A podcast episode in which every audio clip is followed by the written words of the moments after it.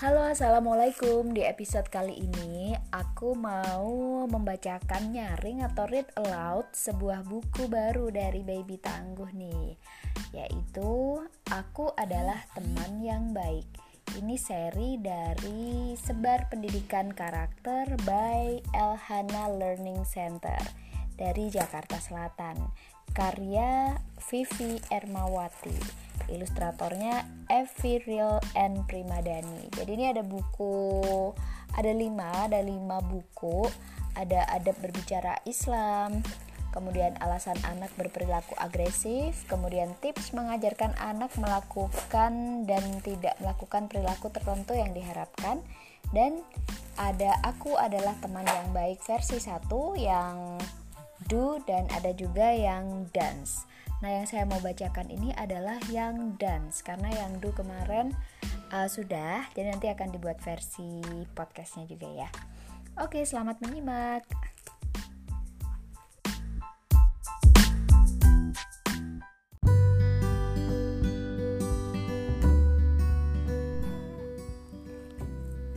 Aku adalah teman yang baik. Versi 2. Versi tidak boleh Aku punya teman. Berteman itu menyenangkan. Aku jadi tidak merasa kesepian. Tidak masalah teman kita banyak atau sedikit. Yang penting teman kita baik. Dan kita juga harus berbuat baik kepada mereka. Teman yang baik tidak akan menyakiti teman. Nah, ini gambarnya. Teman yang baik tidak akan mencela teman. Ih, kamu jelek. Oh, tidak mencela teman. Teman yang baik tidak akan egois. Eh, aku payungan sendiri aja. Hmm. Teman yang baik tidak akan bersikap sombong. Uh, aku yang paling pinter. Teman yang baik tidak akan suka pamer. Uh, aku baru beli sepatu loh, harganya mahal loh. Teman yang baik tidak akan merusak barang milik teman. Nih, aku patahin pensilnya, deh. Teman yang baik tidak akan mengambil barang tanpa izin. Nah, teman yang baik tidak akan membicarakan keburukan atau kekurangan teman. Ih, si itu loh, oh hidungnya pesek.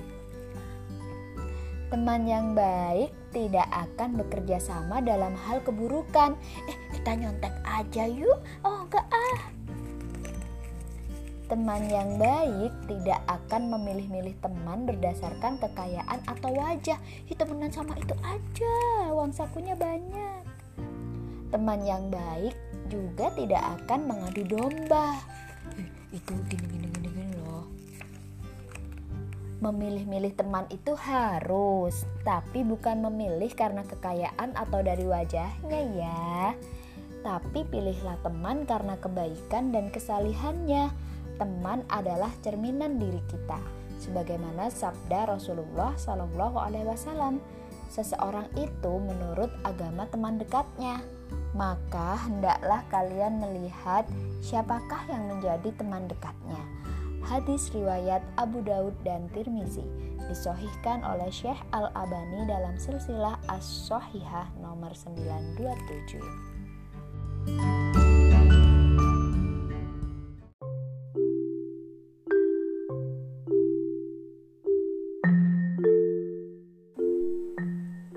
Aku adalah teman yang baik versi 1, versi boleh. Aku punya teman, berteman itu menyenangkan. Aku jadi tidak merasa kesepian. Tidak masalah teman kita banyak atau sedikit. Yang penting teman kita baik dan kita juga harus berbuat baik kepada mereka. Teman yang baik akan berkata yang baik. Assalamualaikum. Waalaikumsalam. Teman yang baik akan berbaik sangka. Hei, baik banget ya dia. Teman yang baik akan berlaku jujur. Eh, ini uangmu jatuh. Teman yang baik akan rajin beribadah. Yuk kita sholat bareng yuk Allahu Akbar Teman yang baik akan bisa menjaga amanah dan rahasia Eh, aku cerita begini Rahasiaku simpan ya Iya, rahasiamu aman bersamaku Teman yang baik akan membantu teman yang sedang kesulitan. Aduh, berat nih bawa buku-buku. Eh, sini aku bantu. Teman yang baik akan mengingatkan jika kita salah. Shh, jangan rame-rame. Pak Guru lagi menjelaskan. Teman yang baik akan bekerja sama dalam hal kebaikan. Eh, kita piket bareng yuk Ya, kamu bagian jendela, aku bagian menyapu ya. Teman yang baik akan senang saat teman senang. Wah, selamat ya. Kamu ranking satu. Alhamdulillah, terima kasih. Teman yang baik akan menghibur jika teman sedang sedih. Jangan bersedih ya, kalau kucingmu mati nggak apa-apa. Nanti kita cari kucing lagi. Teman yang baik akan mendamaikan jika ada teman yang sedang bermusuhan. Heh, ngapain bermusuhan? Ayo kita salaman yuk, kita baikan lagi. Memilih-milih teman itu harus, tapi bukan memilih karena kekayaan atau dari wajahnya ya, tapi pilihlah teman karena kebaikan dan kesolehannya. Teman adalah cerminan diri kita, sebagaimana sabda Rasulullah Shallallahu Alaihi Wasallam. Seseorang itu menurut agama teman dekatnya, maka hendaklah kalian melihat siapakah yang menjadi teman dekatnya. Hadis riwayat Abu Daud dan Tirmizi disohihkan oleh Syekh Al Abani dalam silsilah As-Sohihah nomor 927.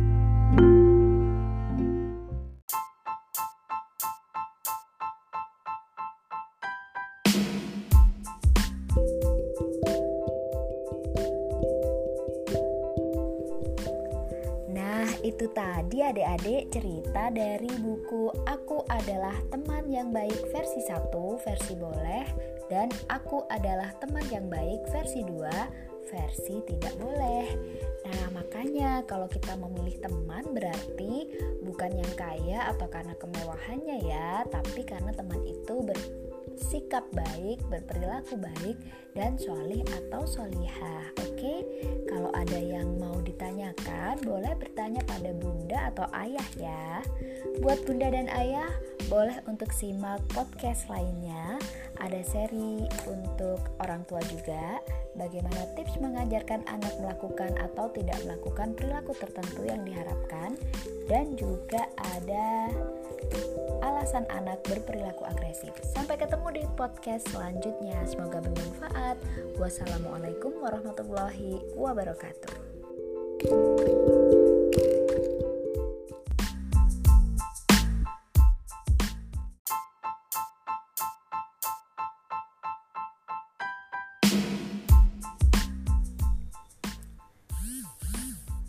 Halo, assalamualaikum. Kali ini saya akan membacakan sebuah buku masih seri dari Sebar Pendidikan Karakter dari Elhana Learning Center. Kali ini yang berjudul Adab Berbicara dalam Islam. Penyusunnya Vivi Ermawati dan Yanet Molina. Ini bisa untuk anak-anak, tapi juga bisa untuk orang tua. Masih ada dua buku lagi yang akan saya bacakan. Dua buku nantinya itu khusus untuk orang tua. Oke, yuk disimak.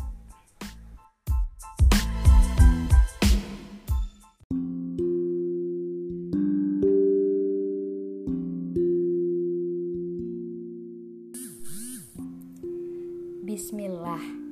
Setiap muslim wajib menghiasi perilakunya dengan akhlak yang mulia. Rasulullah Shallallahu alaihi wasallam adalah manusia yang paling mulia akhlaknya. Bicaranya sopan, bahasanya tersusun indah, mudah dipahami dan mengandung kebenaran. Kita harus mencontoh Rasulullah. Di dalam Al-Qur'an, Allah memberikan petunjuk tentang adab dalam berbicara. Demikian juga yang diajarkan Rasulullah melalui hadis-hadisnya. Apa saja? Yuk kita simak bersama 15 adab berbicara dalam Islam yang perlu kita praktekkan dalam keseharian. Pertama, menjaga lisan. Lisan bisa menjadi penyebab seorang hamba diangkat derajatnya oleh Allah, namun juga bisa menyebabkan pemiliknya masuk neraka. Hadis riwayat Bukhari. Lalu, bagaimana ya cara menjaga lisan dalam kehidupan sehari-hari? Yang pertama, perbanyak membaca Al-Quran. Yang kedua, perbanyak berzikir. Dalam surat Ali Imran ayat 191. Yang kedua, mengucapkan perkataan yang baik atau diam. Perkataan yang baik selain sebagai penyelamat kita dari siksa neraka, ternyata juga termasuk amalan sedekah loh. Rasulullah bersabda, kata-kata yang baik adalah sedekah. Hadis riwayat Bukhari dan Muslim. Berbicara kepada siapa saja, sebaiknya kita memikirkan dengan baik apa yang akan kita katakan, bagaimana cara menyampaikan, dan apa dampaknya. Ketiga, tidak mengolok-olok orang lain. Mengapa Allah Subhanahu wa taala menyebut mencela orang lain berarti mencela diri sendiri? Karena pertama, setiap mukmin itu bagaikan satu tubuh. Sehingga ketika kita mencela orang lain, pada hakikatnya kita sedang mencela diri sendiri. Karena orang lain itu adalah saudara kita. Kedua, jika kita mencela orang lain, maka orang tersebut akan membalas dengan mencela diri kita, dan begitulah seterusnya akan saling mencela.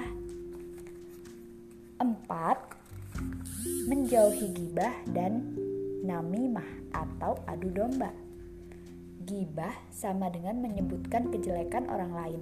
Jika tidak tidak sesuai maka disebut dengan fitnah. Hadis riwayat Muslim.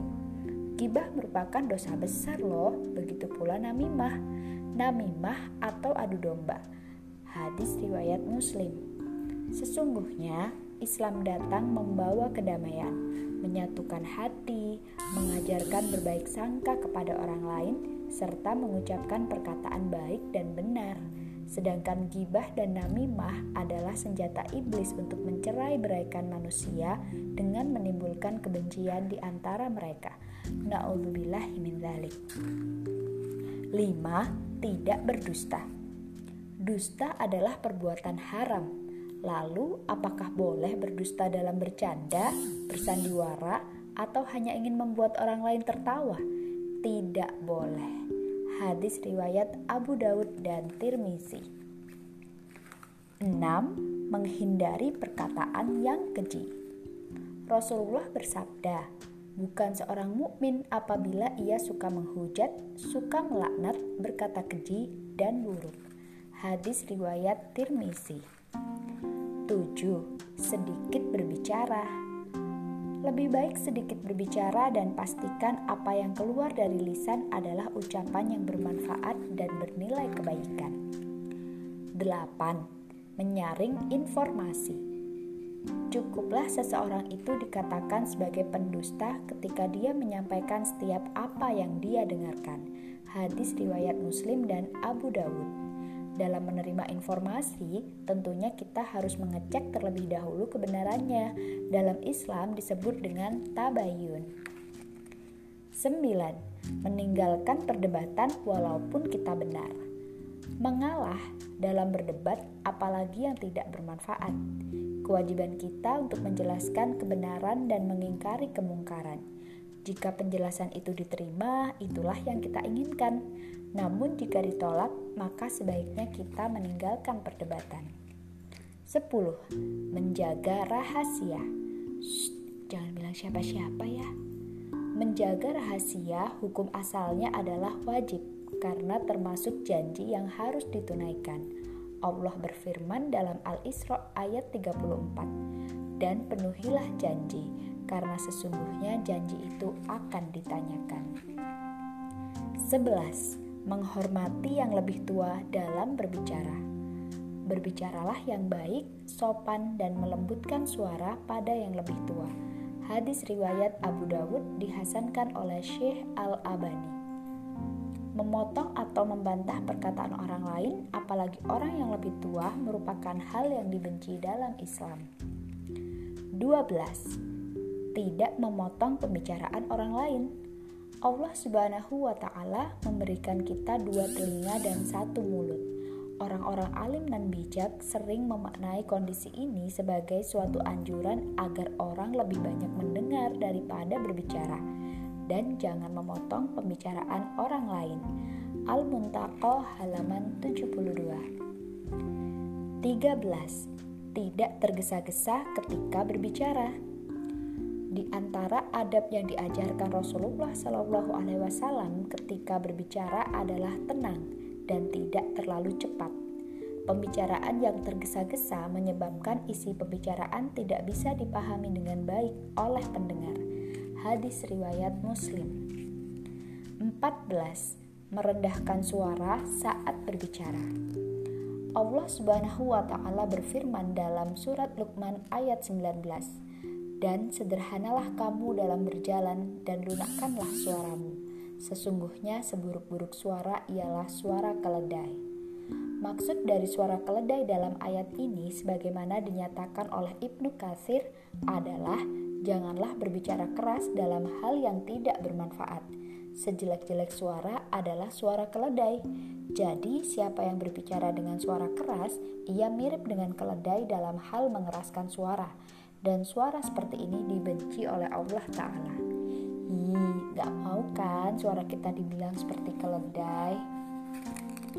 15. Berhati-hati dalam memuji. Memuji itu boleh, asal tidak berlebihan, serta ucapkan Masya Allah saat melihat sesuatu yang mengagumkan. Dengan mengucapkan kalimat tersebut, kita mengakui bahwa apa yang membuat kita kagum adalah semata-mata kuasa Allah.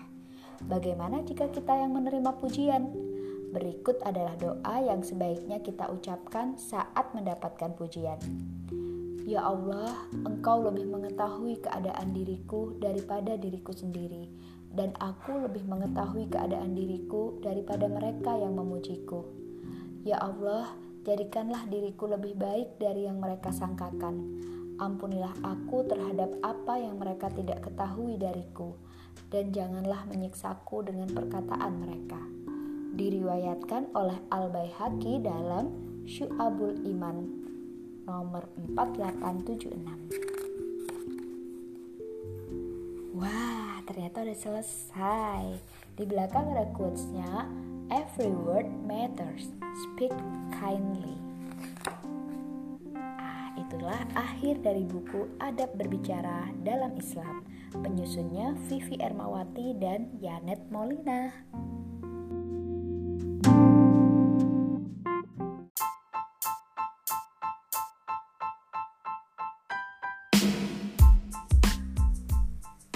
Yap, masih di sebar pendidikan karakter. Jadi bukunya itu ada lima ya. Yang sudah dibacakan masih ada tiga. Nah, sekarang buku keempat adalah Alasan Anak Berperilaku Agresif. Penyusunnya Vivi Ermawati. Masih dari Elhana Learning Center. Yuk disimak.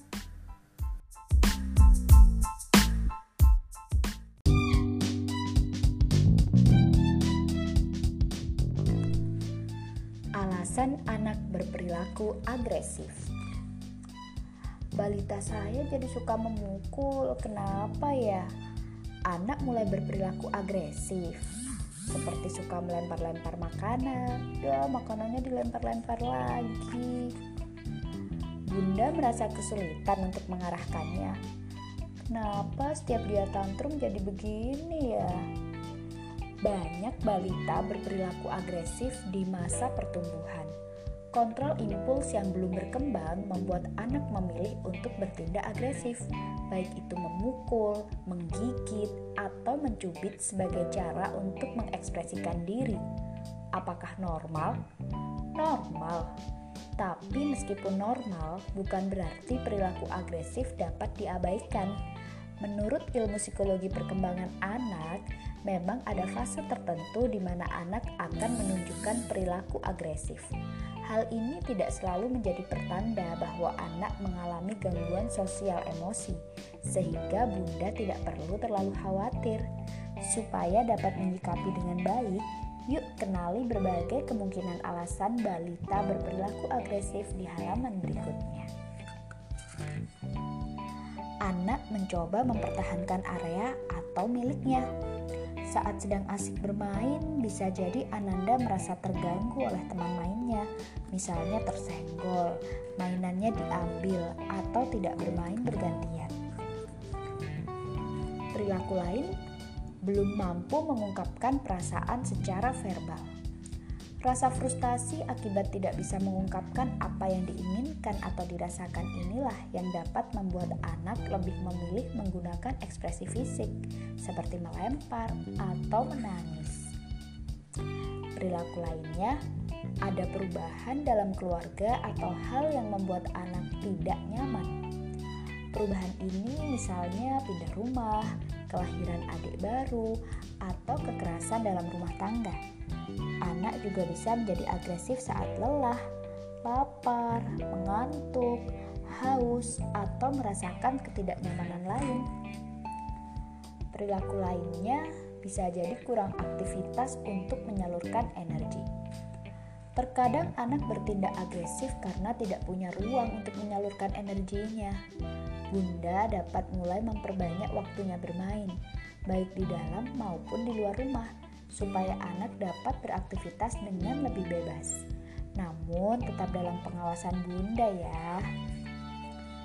Perilaku lain meniru dari orang dewasa di sekitarnya atau tayangan di TV atau gadget. Ada istilah anak bagaikan spons yang bisa menyerap apa pun yang dilihatnya, baik itu perilaku orang tua, orang dewasa di sekitar mereka, maupun tayangan di TV atau gadget. Dampingilah anak saat menonton atau saat kebetulan anak melihat tayangan-tayangan yang tidak baik.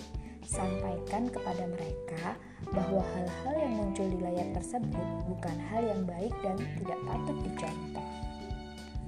Atau perilaku anak sedang bereksplorasi dan belum paham situasi, dampak, atau sebab akibat anak di usia balita berada pada fase gemar bereksplorasi.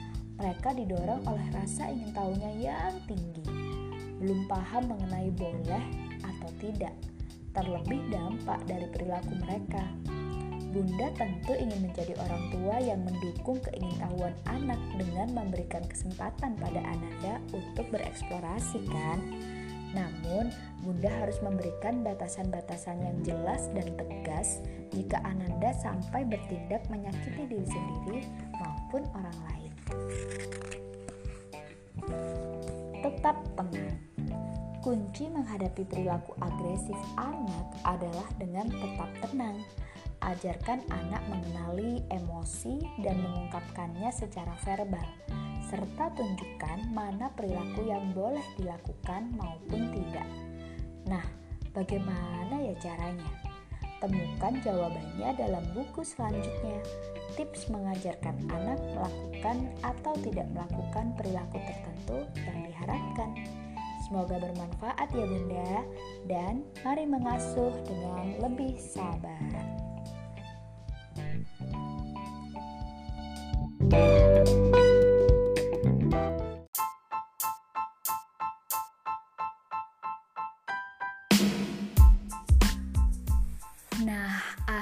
Akhirnya sampai juga di buku terakhir dari seri Sebar Pendidikan Karakter dari Elhana Learning Center. Kali ini tentang tips mengajarkan anak melakukan atau tidak melakukan perilaku tertentu yang diharapkan. Penyusunnya Inu Virgiani dan Vivi Ernawati. Stay tune.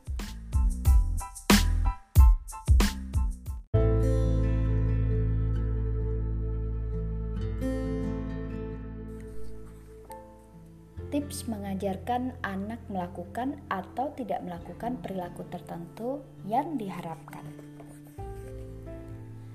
Sikap agresif sebenarnya merupakan bagian dari proses belajar anak untuk mengendalikan dirinya.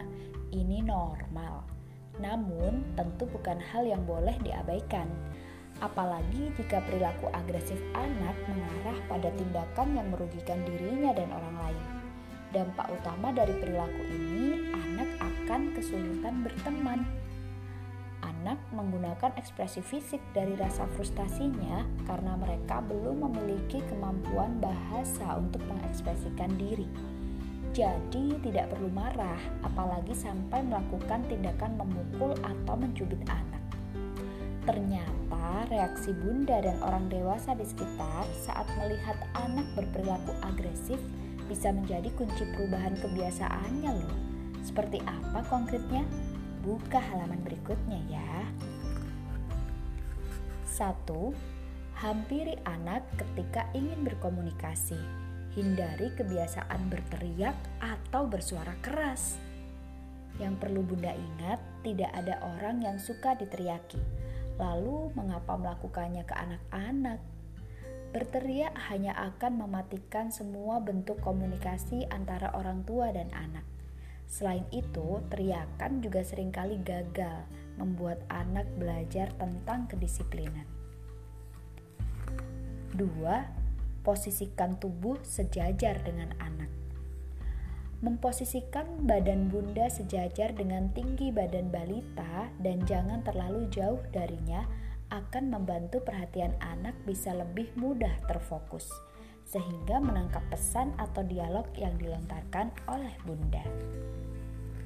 3. Jaga kontak mata dengan anak ketika berbicara. Sebagai catatan, Menurut studi perbedaan antara otak laki-laki dan perempuan, perempuan lebih senang berbicara dengan kontak mata. Kenapa? Karena otak tengah yang tebal menjadikan mereka kuat menatap mata dalam waktu lama, sedangkan laki-laki kurang menyukai kontak mata saat berbicara. Laki-laki lebih menyukai melihat benda. 4 jika anak melakukan perbuatan yang tidak diharapkan, gunakan bahasa singkat ketika mengingatkan. Menasihati tanpa melukai adalah PR kita bersama, ya kan Bunda? Saat anak melakukan sesuatu yang tidak diharapkan, ingat Rasa ingin tahunya tinggi, ingin melakukan hal baru, atau bahkan menirukan orang-orang yang ada di sekitarnya. Terlebih balita, belum bisa membedakan benar salah, boleh tidak. Pemahaman anak sangat terbatas. Jadi, Bunda yang harus memanjangkan sumbu sabarnya. Gunakan bahasa yang mudah dicerna anak, singkat, padat, dan jelas, terlebih untuk anak laki-laki. 5. Ketika ingin anak melakukan suatu hal, gunakan bahasa yang singkat dan jelas dalam menganjurkan kemudian dapat dijelaskan maksud atau manfaatnya. Benang merah dari proses belajar pada anak adalah rasa ingin tahu. Bunda dapat memanfaatkan ini dengan memberikan informasi tentang berbagai manfaat di balik semua anjuran. Misalnya, mengapa anak harus banyak makan buah dan sayur. Jelaskan manfaat besar yang terkandung di dalam buah dan sayur untuk pertumbuhan mereka Bunda bisa dibantu dengan visual-visual yang menarik atau mainan edukatif yang mendukung. Hal ini insya Allah lebih efektif daripada harus memaksanya tiap hari tanpa penjelasan apa-apa. 6. Perkuat perilaku baik yang sudah anak lakukan dengan apresiasi yang cukup, tidak berlebihan dan tidak terlalu minim. Bunda, berikut adalah tips memberikan apresiasi untuk anak khususnya usia batita sampai balita ya. Pertama, apresiasi perilaku baik anak, bukan si anak. Dua, apresiasi secara spesifik dan gunakan apresiasi untuk perilaku anak yang ingin Bunda ubah. Misalnya usia 3 tahun, Ananda berhasil makan tanpa berantakan. Bunda boleh mengatakan, Masya Allah, kakak pintar, makan tidak berantakan. 3. Apresiasi anak untuk sesuatu yang harus dia lakukan, bukan sesuatu yang dia suka lakukan. Misalnya membereskan mainan yang sudah seharusnya dia lakukan. 4. Apresiasi untuk membentuk perilaku yang baik, tidak untuk membandingkan dengan anak lain. 5. Apresiasi anak sesuai porsinya tidak berlebihan atau terlalu jarang. 7. Jaga kelekatan emosional dengan anak dengan memperbanyak aktivitas menyenangkan bersama. Semakin anak merasa dekat dengan orang tua, semakin mudah pendidikan yang orang tua berikan ditangkap oleh anak. Pada teori kelekatan atau attachment theory oleh John Bowlby, dijelaskan pentingnya kehadiran orang tua secara fisik terhadap perkembangan kognisi, emosi, serta sosial pada anak. Usia 0 sampai dengan 5 tahun merupakan periode kritis pentingnya perkembangan keterikatan. Jika pada usia tersebut anak mengalami peristiwa yang menyebabkan terganggunya kelekatan dengan orang tuanya, dikhawatirkan akan mempengaruhi kecerdasan serta perilaku agresif anak hingga usia dewasa.